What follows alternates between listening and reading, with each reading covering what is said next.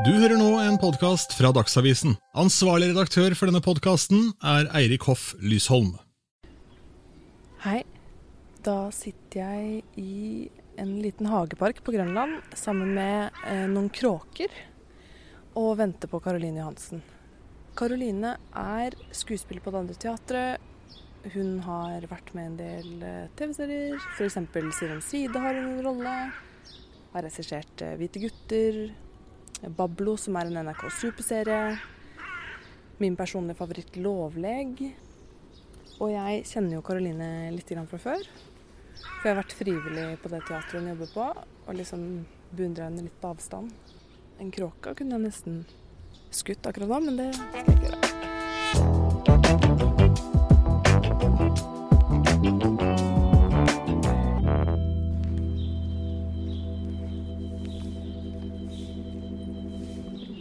Karoline?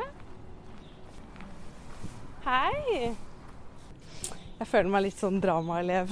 Eller ikke dramaelev, men sånn eh, journalistikkstudent igjen. Nei, hvorfor det? Du er jo Nei, når man går med sånn opptaker og Jo, takk. Ja, men det er jo ingenting som er proffere enn det. Så fin du er. Takk.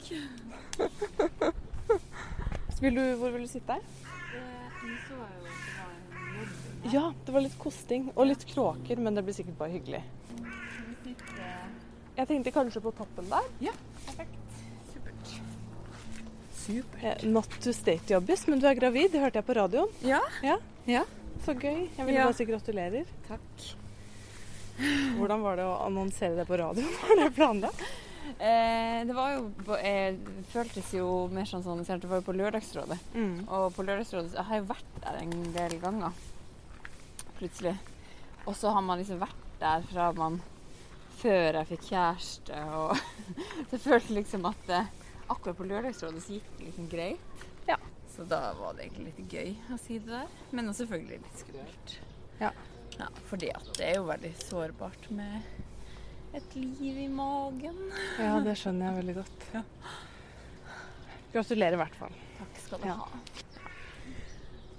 Du har jo også vært med å gjøre regi på første sesong av Hvite gutter. To første. To første, unnskyld. Folk elsker jo den serien. Mm. Um, og jeg husker jeg så sånn bilde av deg på Instagram når dere fikk en eller annen pris. Uh, vi var vel nominert til Gullruten. Ok, dere var nominert til Gullruten, Ja. og da sto dere sammen. Og så er det liksom de gutta der og deg Ja. i midten. Veldig kult bilde. Men da tenker jeg jo på hvordan det var for deg å skulle regissere i et sånt gutte... Historien er jo en sånn gutta... Veldig guttastemning, da. Det er høy guttastemning i den serien. Nå føler jeg jeg tvinger fram det kjønnsspørsmålet litt, og blir litt sånn irritert på meg selv. Ja, hva tenker du om det? Um, først så syns jeg jo at det å få lov til å regissere 'Hvite gutter' var utrolig gøy.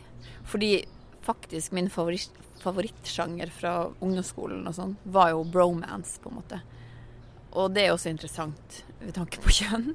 Det tror jeg også handler om at man ikke har noe sjanger for eh, I hvert fall hadde ikke vi det da. Nå har det jo kommet mange flere filmer som på en måte eh, Som er komiske og komedier med unge jenter i også, liksom. Men da jeg vokste opp, så var det liksom Michael Cera og han eh, Jonah Hill og Seth Rogan og de gutta der da, som, som jeg kjente meg igjen i. Som jeg syns var morsomme, og som jeg syns var øh, veldig sånn godt portrettert sånn ungdomsproblematikk. Å være liksom nerden og den som ja, ikke helt har skjønt eller er med på de kules premiss, da. Så det å gjøre Hvite gutter var jo på en måte en bromance, men det er jo det samme at Hvite gutter blir på en måte navnet på klovnene i deres miljø, da. Eh, Så jeg syns jo at det var en superutfordrende, eller spennende utfordring. Fordi at jeg kommer fra Finnmark, jeg er ikke fra Oslo vest, men, jeg, men fort, fort så skjønte man jo at man vil jo at folk skal tenke at de gutt, denne historien handler om bare gutter fra Oslo vest, men det handler jo om guttegjenger og jentegjenger fra hele Norge, egentlig. For det hvite gutter er jo egentlig bare sånn funny måte å si nordmann på. En, en person som bor i Norge. sånn at liksom den tanken om hvite gutter ligger jo i alle karakterene. Men for min del, da, så var det her var jo min første humordramaserie. Jeg hadde gjort eh, Sølvrekka, som var en sketsjeserie før, og hadde liksom blitt ganske kjapp i jobben min, fordi vi hadde veldig lite ressurser og sånn, og ble veldig sånn god på å tenke kjapt og være en som leverte fort.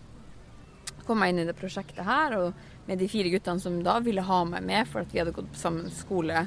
De hadde gått på tekst, jeg hadde gått på film og TV.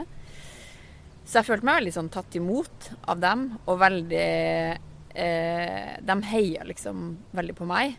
Um, og syntes jeg var morsom og kul, og jeg følte liksom ikke at jeg tenkte at herregud, jeg må bevise noe for dem. Men det å møte liksom eh, et produksjonsselskap med ja, eldre menn da, som er produsenter og jobber liksom i et, i, eh, et sånt satt miljø som er veldig mannsdominert, det var mye mer utfordrende enn jeg hadde kunnet sett for meg. For jeg hadde liksom håpa at jeg skulle kunne si sånn Jeg er bare en regissør, jeg er ikke en kvinnelig regissør. Men veldig fort så skjønte jeg at det, det er jo en forskjell, liksom. Fordi det følte jeg. Og det var jo veldig sånn banalt i starten. For jeg var sånn Er det jeg som er gal, eller er det liksom Er det noen uh, barrierer her som uh, jeg går bak, som menn ikke gjør, da? Uh, selv om vi har samme erfaring eller lik erfaring, eller kanskje til og med har mer erfaring å vise til, da.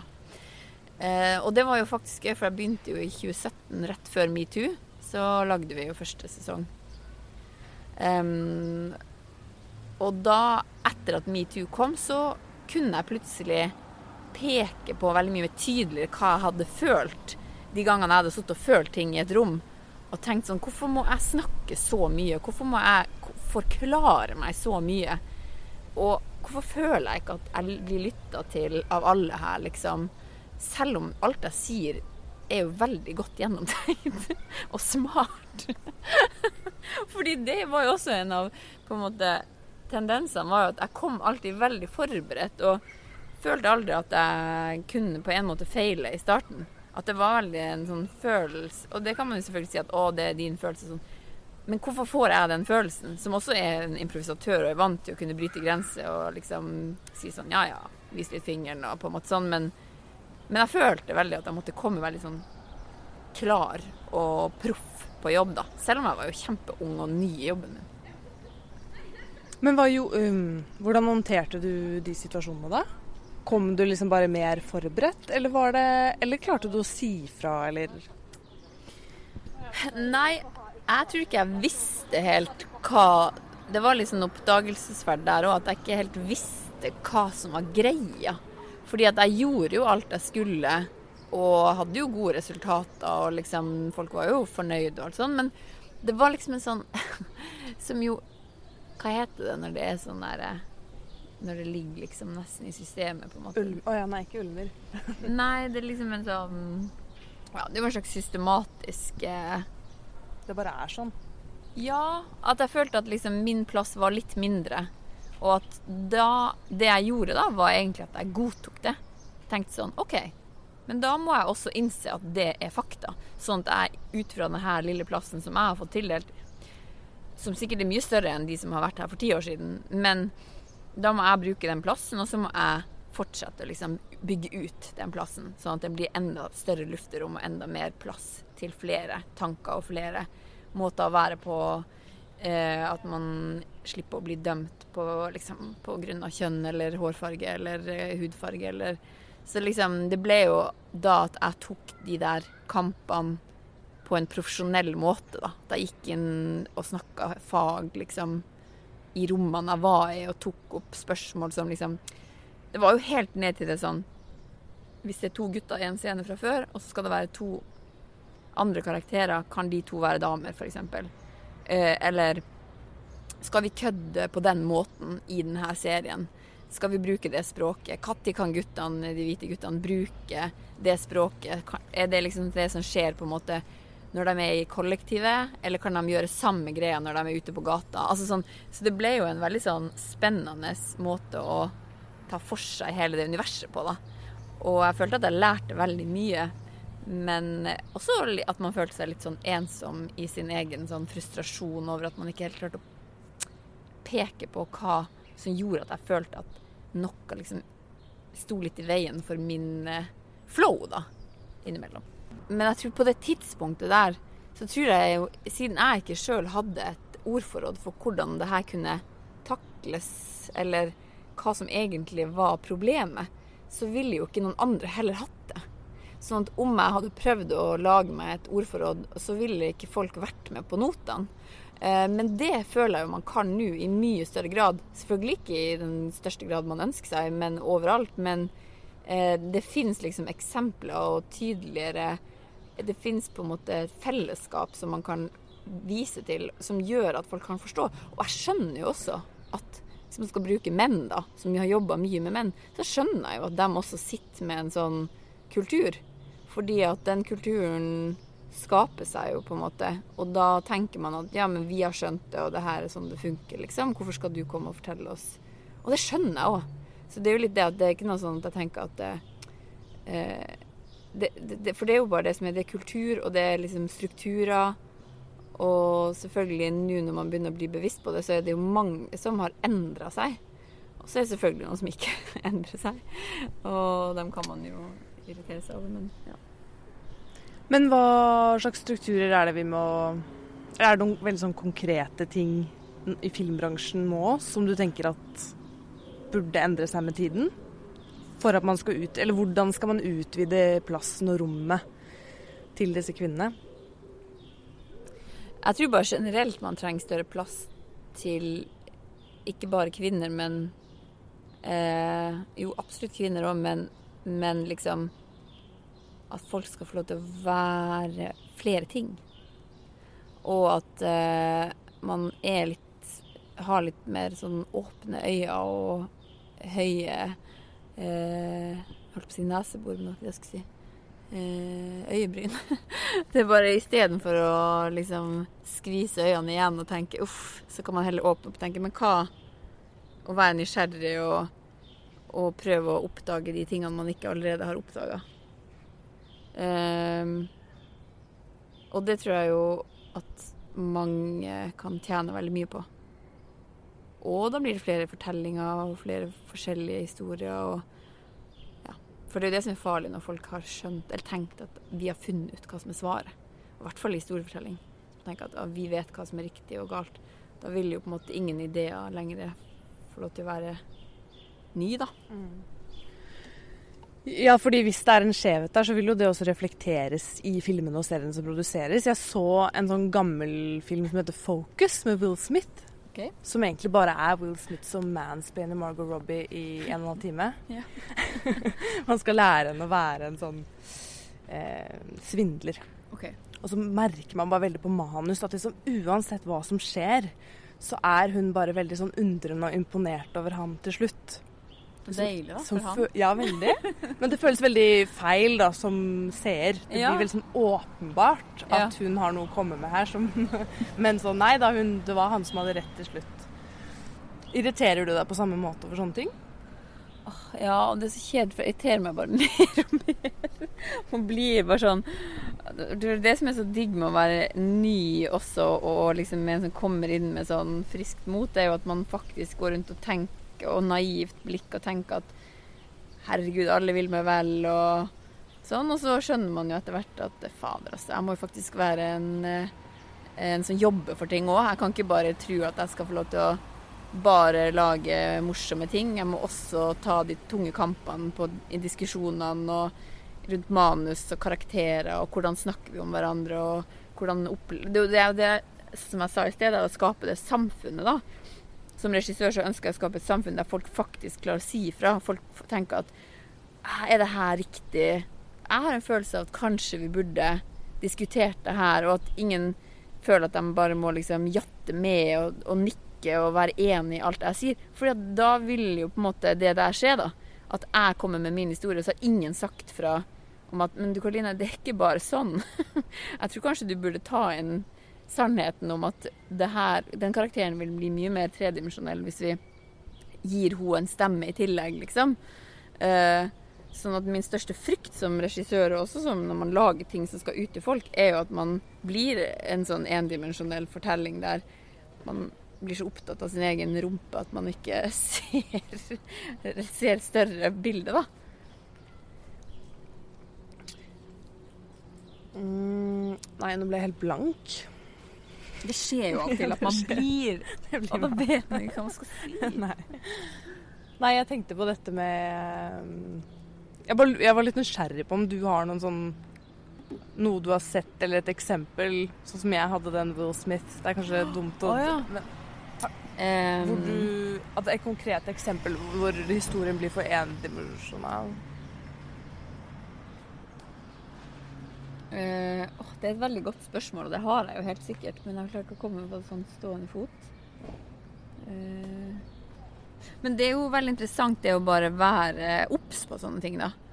Man, og det er man jo bare mer og mer. Det er jo liksom Jo, men det er man jo i alt. Ikke sant? Altså, ting man har vokst opp med, sånn som nå, da, med Friends, som har liksom hatt en reunion. Og så ser man tilbake på Friends-ting, og så skjønner jo de når man ser intervjuer med forfatterne og Friends, også at sånn Mange av de tingene her kunne vi jo ikke kunne vi jo ikke formidla på den måten i dag. Som på en måte jeg syns også er ganske fint med historiefortelling. For jeg syns at det at vi fryser på en måte den tida vi er i, er inni en film, gjør at vi kan reflektere over hva som har skjedd da. Og også bevise at vi mennesker utvikler oss. Og også bevise at vi ikke er så jævlig smart hele tida. For det er jo det er kanskje med den fortellinga om eh, Will Smith, at man blir så bastant fordi man har funnet en sannhet. Mm, og det skal man jo tørre å være når man har den sannheten, men man skal også på en måte være ydmyk for at den kommer til å kunne endre seg. Det blir jo veldig spennende å se om 20 år hvordan vi ser tilbake på eh, 2021. Men noen mener jo også at vi går for langt da, i å være korrekte og i å um, arrestere oss selv. Um, F.eks. at vi alt Altså at vi kan bli for opptatt av mangfold. At det blir, nesten blir rasistisk.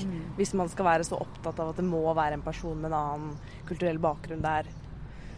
Ja, jeg tror at det handler om at vi ikke helt vet hvordan vi skal liksom bruke alle de nye tingene vi har skjønt og funnet av. Og at vi driver og roter litt i blinde, må vi jo bare få lov til å gjøre. Og jeg tror at når man Det er jo litt sånn når du på en måte skal lære deg å sykle, så må du jo krasje noen ganger i starten før du på en måte finner ut at å, nå sykler jeg fint. Plutselig kan jeg sykle uten hender, og plutselig kan jeg sykle med øynene igjen til og med, fordi at det blir så naturlig for meg. Sånn at man må jo tillate seg å ha den der eh, prosessen og, og egentlig gi ting tid. og ha tillit til at eh, hvis det her får lov til å bare utvikle seg, og vi fortsetter å ha fokus på det, så kommer vi til å finne de logiske veiene. Og det kommer til å være kaos i starten. Det er samme som hvis liksom, jeg tenker hvis noe helt forferdelig skjer i livet ditt, så knuses jo på en måte verdensbildet ditt i tusen knas.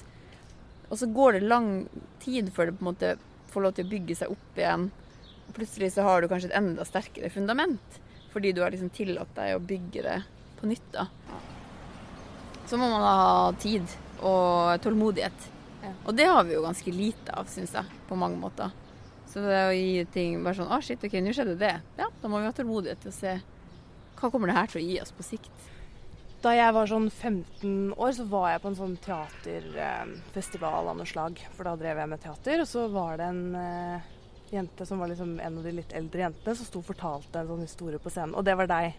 Og da hadde du sånn historiefortellings... eh, ja, fremførelse, da. Muntlig fortelling. Ja, muntlig fortelling. Ja. Og jeg hadde aldri sett noe lignende, og ble helt sånn eh, bergtatt av det, da. Oh, så hyggelig. Og det var sånn en av de tingene som gjorde veldig inntrykk på meg som ung, som gjorde at jeg ble veldig interessert i teater. Så derfor så er du litt sånn spesiell for meg. Å, nå ble jeg skikkelig rørt. Ja, gjorde du det? Ja, det er veldig hyggelig. Fordi det er kanskje også det jeg tenker at jeg har lyst, eller mest lyst til at folk skal bli inspirert med de tingene man gjør. Nå er jeg også veldig lettrørt fordi at jeg er gravid, så jeg begynner å gråte av ingenting.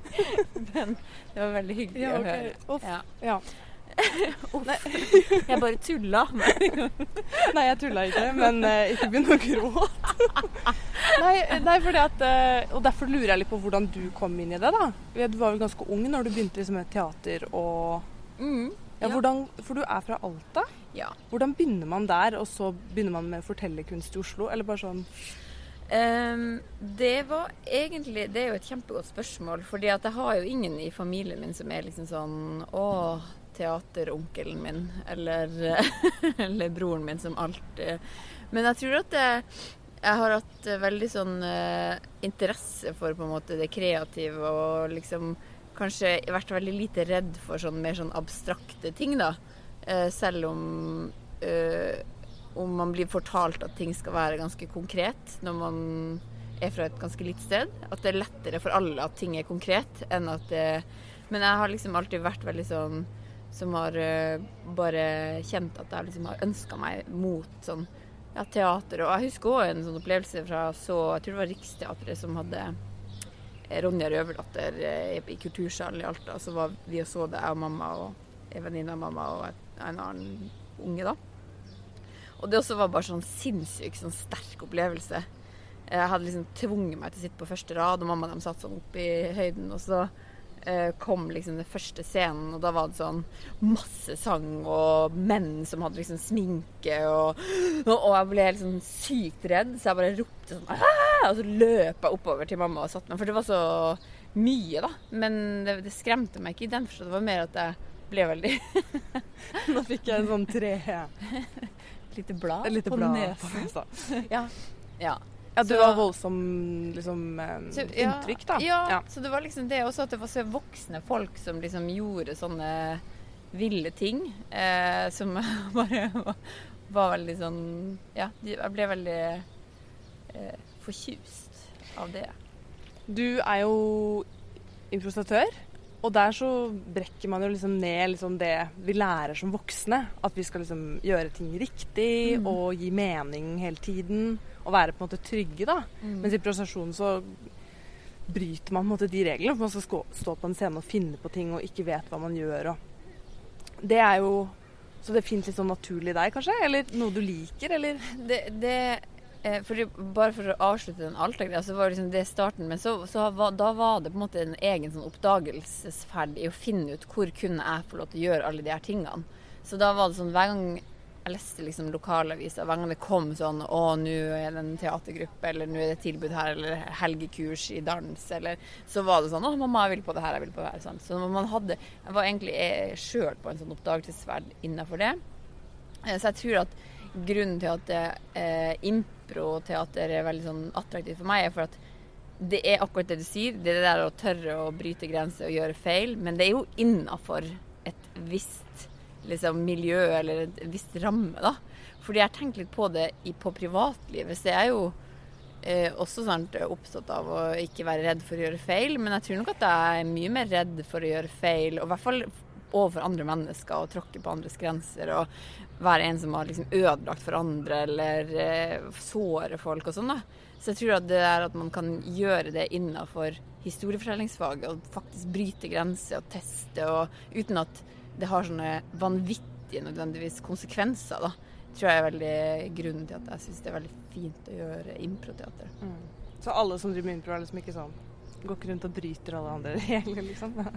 Nei, og det er jo veldig gøy, for jeg har jo gjort mye impro for barn og eh, eh, undervist en del for barn og sånn, og de er jo veldig sånn OK, så det er lov å gjøre feil, så da kan vi bare knuse vinduet. Og så er det sånn Ja, nei, det er ikke akkurat det. så så det, det er jo liksom regler eh, selv om det på en måte man ønsker at folk skal bryte reglene. Ja. Hvordan kom du under regien, da? Ja, det var ehm, fordi at uh, jeg hadde jo veldig lyst til å bli skuespiller. Og det tror jeg er veldig sånn, veldig sånn tydelig vei for mange at man tenker sånn Å, man så liksom hun som spilte Ronja du tenker Å, herregud, jeg kan være hun som står og formidler liksom det her.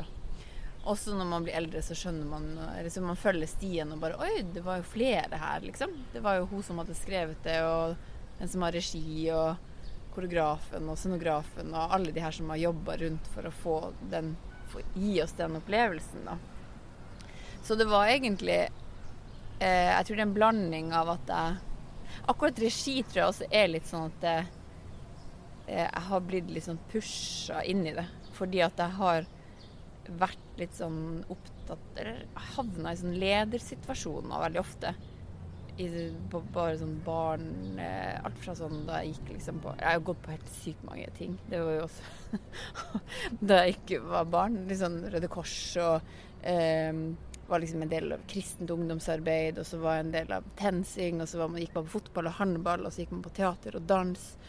Og alt mulig man kom over. ikke sant? Og så ofte så endte jeg opp i sånn lederposisjon. Og på dramalinja også endte jeg plutselig opp med å ha regi på en forestilling. Og så var det veldig mange som på en måte egentlig, man, man, følte meg ganske ønska som leder, og ønska som regissør. Så da jeg studerte på Westerdals film og TV, så tenkte jeg at det her kan jeg sikkert jobbe med. Kan sikkert gjøre litt regi. Men den skuespillerdrømmen, da, hva skjedde med den? Var det Gikk det over, eller? Nei, eller sånn Jeg er veldig glad når folk har sånn Det eneste jeg vil, er det her. For jeg tror veldig på de som bare vil det. Og jeg er veldig glad for det som regissør, at de skuespillerne fins. Um, men jeg bare måtte innse at jeg vil så veldig mange ting. Og så er jeg jo litt sånn eksistensialist at jeg tenker sånn at vi har jo bare én sjanse her på jorda, liksom. Og hvorfor skal jeg da presse med bare én ting hvis det er mange andre ting som også er attraktivt og gøy? Og, og hva er det egentlig altså, Så tror jeg jo man vokser opp og tenker at det der at jeg har lyst til å være skuespiller, handler kanskje også veldig mye om meg. Og så blir man eldre, så tenker man at å ja, hele verden handler ikke bare om meg. Og jeg syns det er spennende å skape samfunn. Og når jeg gjør regi, så er jeg veldig opptatt av å skape et samfunn med de jeg jobber med. Og, og det får man jo veldig muligheten til. da, Å påvirke hverandre og lage liksom en hub der alle er interessert i det samme og vil det samme. da. Så jeg tror vel det at man tar litt blikket vekk fra bare sin egen egotripp. Ikke at alle som skuespillere bare tenker på seg sjøl, men det er jo lett å gjøre det. Og det, og det kanskje kommer jo også mer naturlig at jeg, jeg vet ikke, man ønsker en sånn større ringvirkning, kanskje. Ja, større påvirkning på ting? Ja Ja, kanskje. Ja.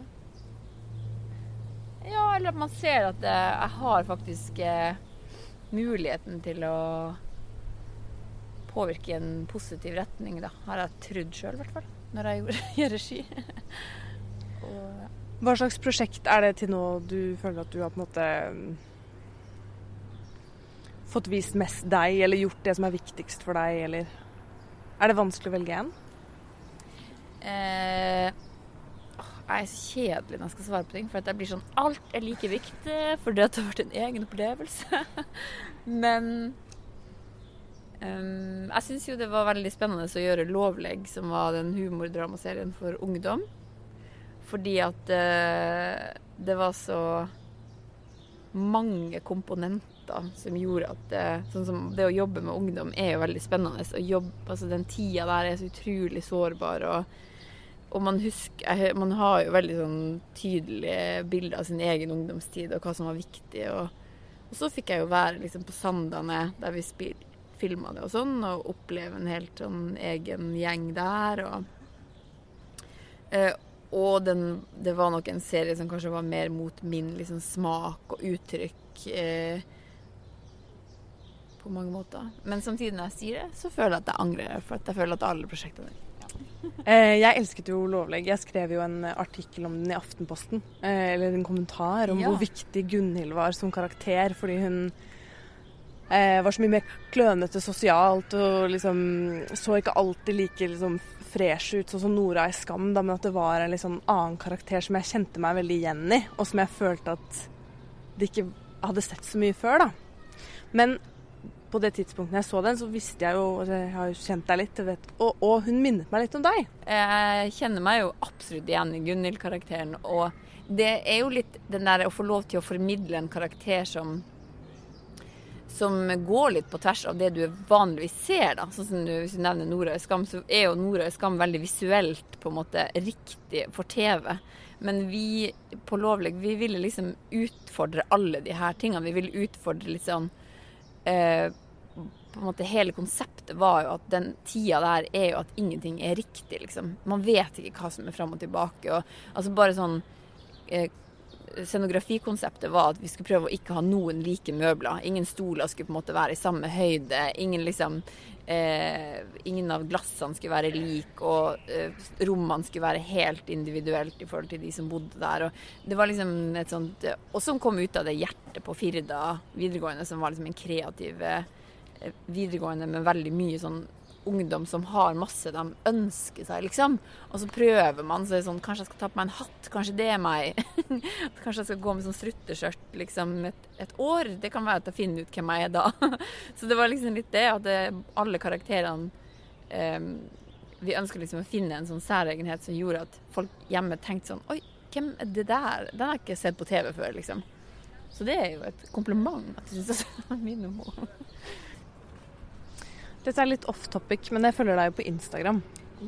Ja, ja. Og der har du delt en del av en sånn psykolog som heter et eller annet sånn. Så det er veldig mye sånn derre self uh, Det er litt sånn self-help. Absolutt. Eh, men jeg ble veldig inspirert og fulgte Ja. den kontoen, jeg. Så det, men da Jeg ble litt nysgjerrig på det der. Har du, har du hatt et sånt selvutviklingsprosjekt, eller?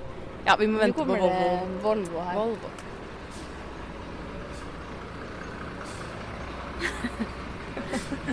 Var det flaut å bli Nei, spurt nei, om? nei. Ikke i det hele tatt. Jeg må jo stå for alt det her. Det er jo det som er. Nei, men jeg opplever deg jo som veldig reflektert, eh, og liksom eh, Jeg hører deg snakke på radio, eller på sånn at du har en slags bevissthet eh, rundt deg selv. Mm. Og så har jeg eh, forestilt meg at du er veldig god på å sette grenser for andre. For andre? Ja, Oi, shit. Er det bra? ja det er kjempebra. Men sette grenser for andre, hva mener du? Nei, altså i forhold til seg selv, da. Oh, ja, sånn, ja. At man klarer å på en måte mm, verne om seg selv på en sånn bra måte. Oh, ja. Shit, ja. Nei, Hilsen det- en som ikke klarer det. Ja, men hilsen en som eh, ikke har vært noe god på det veldig lenge. I mange, mange mange år jeg har jeg følt at jeg ikke har vært noe god på det. Og hatt ganske sånn eh, åpne dører og tenkt at jeg kan takle alt, og jeg kan være venner med alle, og jeg kan være kjæreste med alle. Og liksom sånn, Man er bare helt sånn vidåpen, da. Som på en måte kan veldig lett misbrukes. Og man kan misbruke det sjøl. Um, så jeg har jo, hvis du lurer på om jeg hadde en sånn prosess med selvutvikling, så er jo ingen annet svar enn ja riktigere enn det. For jeg har jo jeg synes, Men som, på samme måte som jeg er nysgjerrig og på, måte, på alt annet, da, så er jeg jo veldig nysgjerrig på meg sjøl. Og hvordan eh, livet og alt kan bli lettere for meg.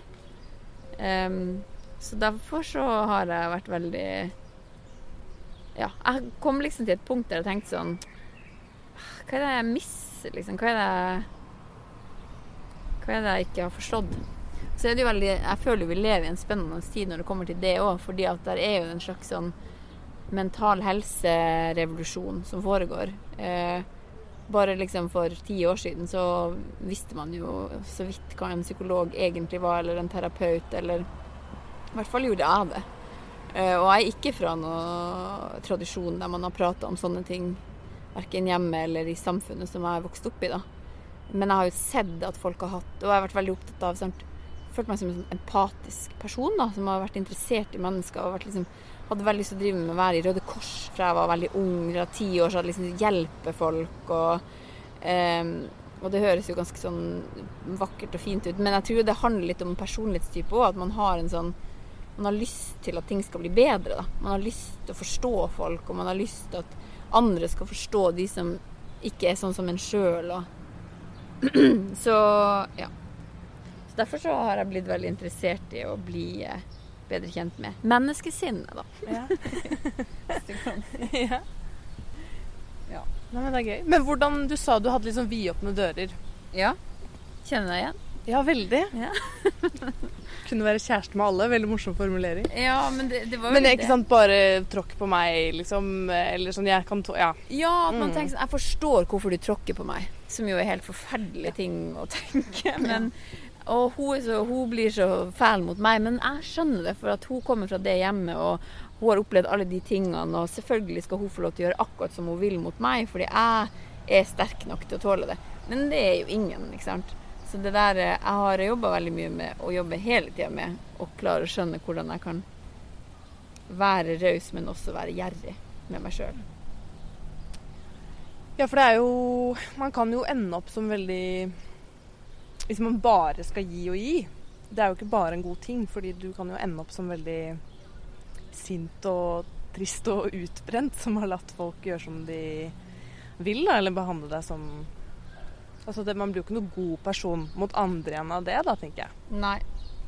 Nei, og så tror jeg jo at jeg har hatt det veldig Jeg føler jo at jeg liksom har hatt en ganske sånn trygg barndom og sånne ting.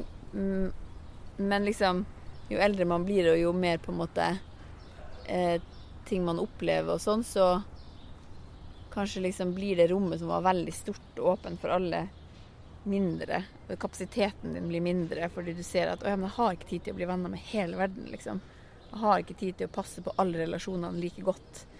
Eh, og da, da blir folk skuffa, hvis de har tenkt at du er en som jeg kjenner på som en veldig nær venn, eller Og så har man ikke klart å ta vare på den relasjonen, så, så sitter man i to forskjellige virkelighetsoppfatninger om hva man egentlig er, da. Um, ja, For folk er sånn som lett stoler på deg og sånn? Eller jeg tror du er en venn? Før så har jeg opplevd at veldig mange har Og jeg liksom tenkt at det har vært en fin egenskap, liksom. At uh, du kan åpne deg, eller at du, folk har bare gjort det ofte. Eller sånn åpna seg for meg også. Sånn. Men så har jeg skjønt i ettertid at sånn, det er ikke så bra heller hvis den personen forventer at jeg skal følge opp det, da. Fordi det er jo ikke alle man deler alt med. Så hvis noen har delt mye med meg, og jeg ikke kanskje klarer å følge opp det, da, så kan jo den personen bli ganske lei seg og skuffa over det. Hva er det du drømmer om å gjøre nå framover? Jeg føler at jeg har et sånt stort taktskifte ved at jeg liksom plutselig Oi, nå bare raper jeg alt. Nei. Det som jeg ser fram til nå, er egentlig bare hva som kommer eh, som jeg ikke vet om som kommer. For å være superkonkret. Nei, ja, at jeg skal bli mamma og eh, Jeg føler at det må være litt Oi, kommer det en ny motorsykkel. Jeg føler det må være litt sånn eh, Nå er det i hvert fall impro-modus, liksom. Nå er det bare ja òg. Og se hva som kommer og eh, Jeg vet jo ingenting av hva som skal skje nå. Så det er egentlig det der alt fokuset ligger. Sånn, det som er viktig for meg. Ja. ja, det blir jo en ny epoke, gjør det ikke det? Jo, det blir jo det. Jo, det blir jo det. Og det er jo utrolig digg. Fordi at det, det er ikke sånn kjempebehagelig alltid. Men jeg syns det er veldig behagelig å vite at når ting ikke er sånn at jeg kjenner igjen alt hele tida, men at jeg tenker at OK, nå er det en utvikling, og nå skjer det noe framover. Og nå må, jeg, være på, jeg må følge med. Det føler jeg er en bra følelse. Så der er jeg jo virkelig nå, da. Men sånn karrieremessig, da? Um, det er også sånn at, at, at, jo mer erfaring jeg har fått, jo mer tillater jeg meg å sitte litt sånn rolig i båten. Altså, jeg ser for meg nesten en sånn der åpent hav, og så er det sånn dis, så ser jeg ikke helt hva som kommer. Og så vil jeg bare tillate meg å la den, det som skal komme, komme, sånn at jeg kan hoppe på det som er riktig. Eh, og det syns jeg er veldig gøy med å jobbe sånn som jeg gjør, da, som frilanser og med mange forskjellige ting. Plutselig så havner man på en helt ny sti, og så var det det som var gøy nå, eller riktig nå, eller her var de folkene som hadde lyst til å jobbe med nå. Helt til slutt så må jeg spørre om eh, om du har noen grensesettingstips, siden du sa det hadde blitt bedre at du ikke la døra stå så vidåpen? Ja. Det er jo eh, det er jo å tilgi seg sjøl når man føler at man har vært streng. fordi ofte så det, det, var i hvert fall det som var det skumleste med å begynne å sette grenser og si nei og sånn, var at etterpå følte jeg meg så dum og frekk, liksom. Det hadde vært sånn å herregud, nå har jeg bare sagt nei. Og de ville jo Det var bare hyggelig, de ville ha meg med på det prosjektet. Og, men at man da er sånn istedenfor å tenke å nei, så tenker man bare sånn Yes, det her er bra. Uh, så for alle nei så kommer det jo oftest bare flere forespørsler, er min erfaring, da. Fordi at da stoler folk på at ja, men hun sier ja når hun er, er klar og har tid til det her, liksom. Um, så fra en improvisatør som er trent opp i å si ja òg, så vil jeg også tipse om å si nei. Men det er også en sånn ting man har hørt mye, da. Men hvordan kan man øve seg på å si nei? Jo, det er kanskje det at man også tør å trekke pusten, og tør å liksom vente litt på å svare på den mailen, og tør å kanskje vente litt med å svare på den meldinga, eller ringe tilbake, og, og, faktisk lande litt i hva er det jeg vil her, liksom. Både på privat og profesjonelt. At man hvis du, tenker, hvis du får to spørsmål fra to forskjellige venninner, vil du være med på lørdag? Som faktisk tillater deg å tenke hva er det jeg egentlig har lyst til av de her to tingene. Og så kan du si til den som du tenker at nei, i dag vil jeg ikke det. Så kan du si sånn du er veldig hyggelig, men det passer ikke for jeg har fått en annen, eller jeg skal ha noe annet. Og så trenger man jo å si hva man skal heller. For alle trenger ikke å vite alt om en. Nei, jeg vet ikke hvorfor jeg kom på en historie nå som egentlig ikke har så veldig mye med saken å gjøre. Men det er ikke alltid så lett å si nei. nei det var en gang jeg gikk på gata, ja. og så kommer det Jeg kan se i sidesynet at det er en mann som ser litt på meg. Ja. Eh, så tenker jeg ja, i dag er jeg pen, tenker jeg. Blir litt fornøyd. Og så går jeg, og så kjenner jeg at noen prikker meg på ryggen. Og så snur jeg meg, og så er det han, da. Og han vil invitere meg på date. Oi! Og det var jo veldig hyggelig. Så sier jeg du, men jeg har kjæreste. Ja. Og det var helt sant. da, å ja, men kan du ikke ha venner? Altså sånn at han, Å ja, han blir veldig fornærmet da, for at jeg har sagt nei til det. Skal du gifte deg med han, liksom? Helt sånn, da. For han i liksom eh, Han blir så flau av at Ja, jeg sier nei, ja, ja. at han må liksom Så da sa jeg jeg tror jeg skal gifte meg med han, sa jeg. Så da gikk. jeg.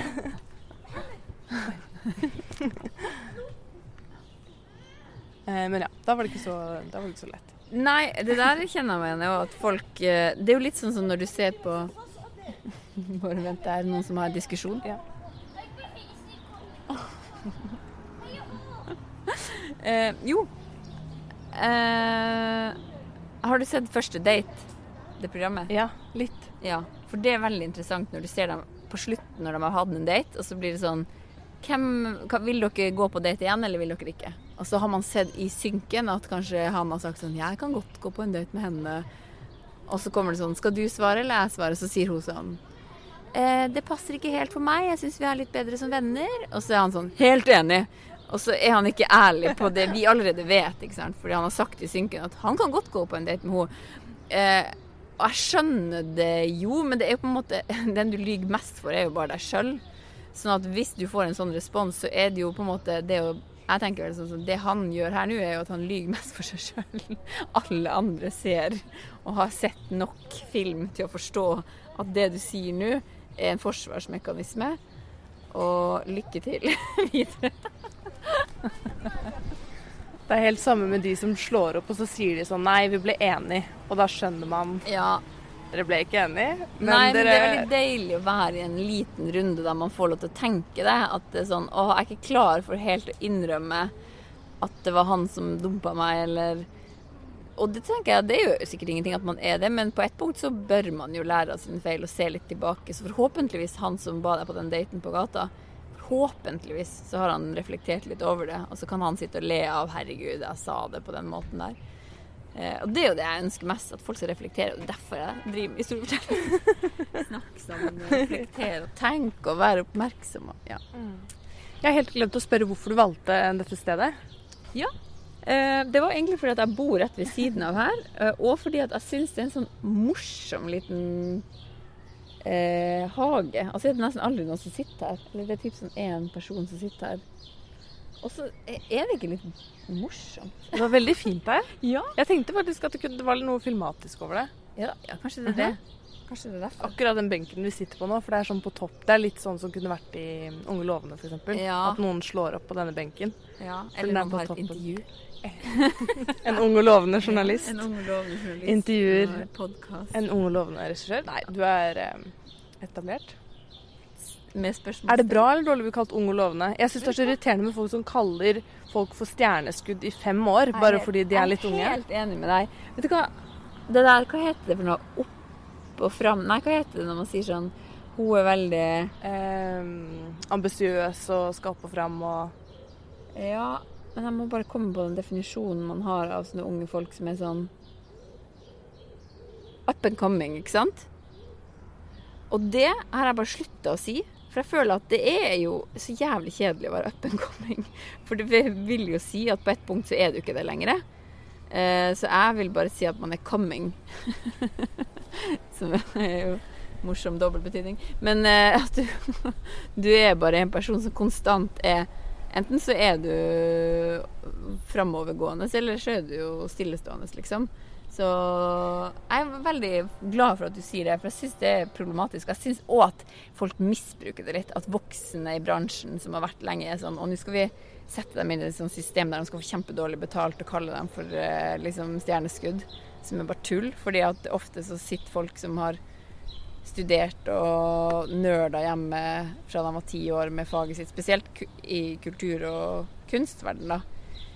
Så sitter de og er egentlig sprekkferdige til å bare begynne, liksom. Så Du Karoline, takk for at du ville møte meg. takk for at det jeg fikk at lov til å Ja, det var veldig hyggelig. Herregud, vi er så gode. Og coming. Og coming.